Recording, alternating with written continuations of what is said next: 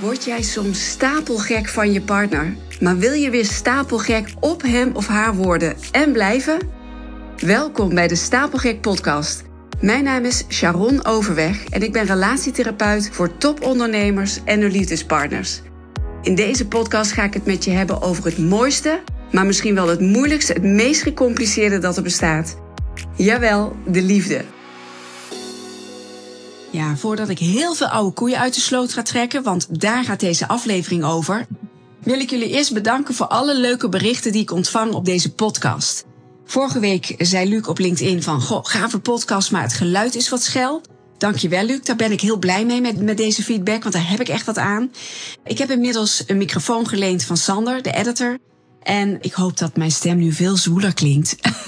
dus uh, nou, dit is in ieder geval de tweede aflevering die ik opneem. Want de vorige had ik de microfoon te dichtbij staan. Dat was ook weer geen mooi geluid. Mocht het nu nog steeds schel zijn, ja, het spijt me mensen, maar deze gaat online komen. Dan kijk ik er daarna wel weer naar, volgende aflevering. En ik kreeg ook een mailtje van ene Sylvia. Niet mijn assistent Sylvia, maar een andere Sylvia.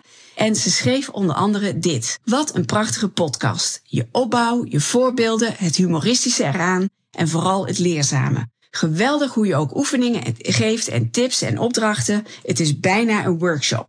Meer dan een podcast. Ja, kijk, hier ben ik super blij mee, want ja, dit is nog nieuw voor mij. Ik moet dit nog leren. Ik moet hierin groeien. Deze, ja, opbeurende, positieve, bemoedigende woorden. Ja, daar groei ik natuurlijk twee centimeter van. Die doen me heel erg goed. Dankjewel, Sylvia. Wij gaan elkaar volgende week ontmoeten trouwens. Heel leuk. Goed. Deze podcast heet Oude koeien uit de sloot. Weg ermee. Ik heb er afgelopen week op LinkedIn, um, heb ik hier ook over gepost. Ik vind er echt wat van, van die oude koeien. Maar ik ga het wel nuanceren. Want die oude koeien hebben natuurlijk wel een functie. Ze hebben je iets te vertellen. Maar ik vind dat als ze besproken zijn op de juiste manier, dan moeten ze gewoon gaan hemelen, want dan dienen ze jullie niks meer. Ze dienen jullie niet meer. Ik heb even gegoogeld op, op internet wat er wordt geschreven over oude koeien, want mijn stelling is nogal controversieel in relatietherapieland. Dit is niet zoals we het leren. Nou, hier staat bijvoorbeeld uh, geen oude koeien uit de sloot halen, zeggen we, maar in een relatie gaat dat niet op. Dan moet je juist wel oude koeien uit de sloot halen, anders gaat het drinkwater bederven. In een liefdesrelatie gaat het over oude kwetsuren, dat zijn pijnpunten, die we hebben opgelopen en die onder je huid blijven etteren. Oké. Okay.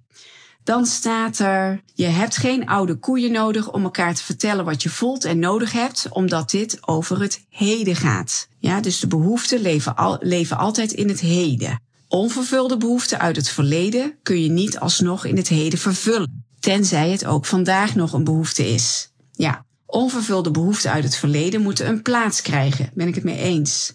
Alleen dan kun je het verdriet, de pijn gaan verwerken.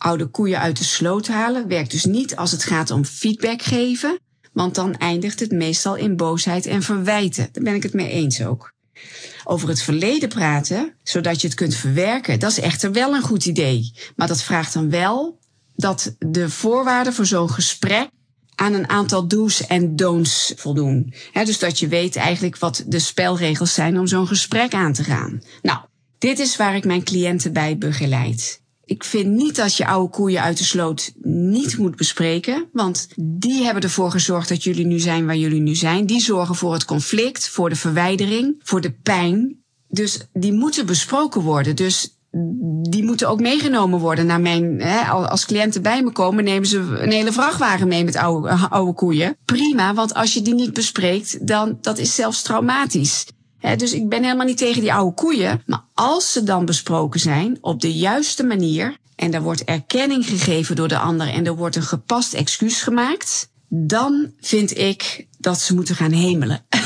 dan moet er gewoon een dikke vette streep onder. En hoe ik dat doe, ja, dan moet je bij me komen. Dit is heel precair, dit is heel delicaat. Het zijn echte pijnpunten, echte blauwe plekken. En dat moet gewoon heel goed aangepakt worden, want anders blijft het inderdaad dooretteren.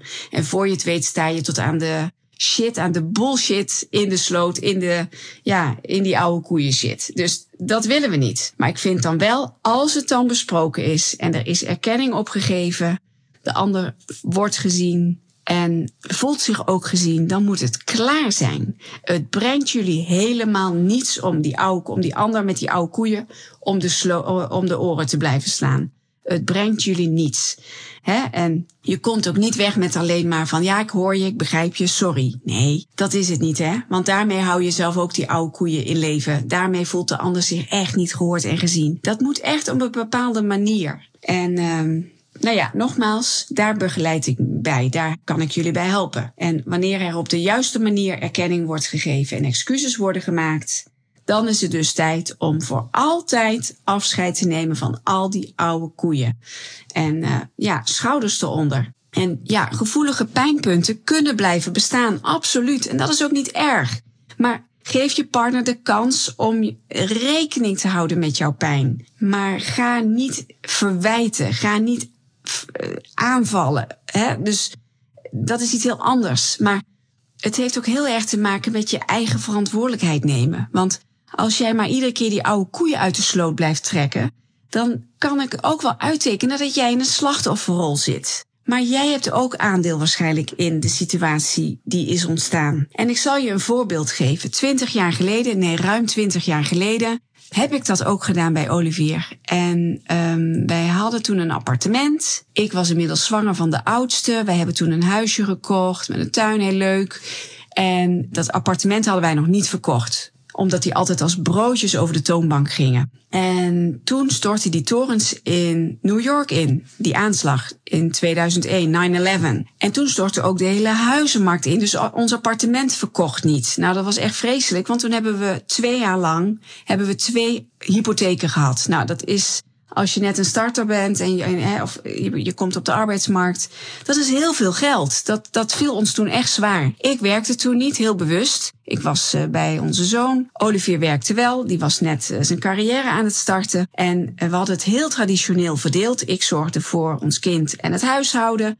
En Olivier zorgde voor het werk en de financiën. En wij zijn in die tijd naar Amerika gegaan. We hadden daar een bruiloft. Ik had een nieuwe, we hadden een nieuwe auto nodig. Ja, niet nieuw, maar we hadden een andere auto nodig. Er ging in ieder geval te veel geld uit. En ik zie me nog zo huilen bij de bank achter uh, in een kamertje. Omdat ik daar te horen kreeg hoe we ervoor stonden. En ik was zo boos op Olivier, want ik vond dat het zijn verantwoording was en zijn verantwoordelijkheid was. We hadden nooit naar Amerika moeten gaan en nooit die auto moeten kopen. En wat had hij ons aangedaan? En ik voelde me heel onveilig. En, en ik weet nog dat we naar mijn schoonouders gingen in Boekelo. En ik ben gek op ze nog steeds. En we zaten daar aan de keukentafel en dat mijn schoonmoeder zei, Sharon, je kunt Olivier hier niet de schuld van geven. Jij bent ook verantwoordelijk voor deze situatie. Jij bent ook naïef geweest. Het is niet eerlijk om dit in zijn schoenen te schuiven. Dit is iets van jullie samen. Jullie moeten dit samen oplossen, een plan bedenken en dan weer door. Strepen eronder en schouders eronder en door. En ik zal die woorden nooit vergeten en het heeft me ook echt gevormd. En ik,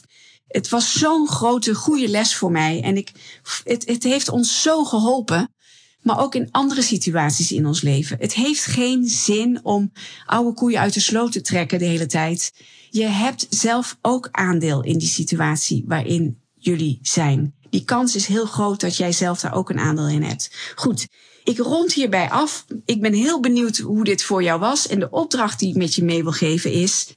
Bedenk eens voor jezelf of je ook iemand bent die de neiging heeft om oude koeien uit de sloot te halen. En om verwijten te maken naar de ander. En om in die slachtofferrol te gaan zitten. En ik ben heel benieuwd, want als dat zo is, ga dan eens met je partner zitten. En bespreek eens helemaal vanuit jezelf, vanuit ik, hoe het voor jou was, die pijnpunten. Hoe dat nog steeds voor je is. Wat je daarin hebt gemist. Wat je behoefte was. Waarin, je, waarin voelde je je niet gezien, niet gehoord. Wat voor gesprek heb je dan? Zie, hoor je, dat is een hele andere toon. Nou, ik ben heel benieuwd. Laat het me weten sharon.stapelgek.com of een DM op LinkedIn. En uh, ik hoor heel graag van je. En uh, ik wens je een hele mooie, liefdevolle dag en goede zaken. En tot de volgende. Bye bye.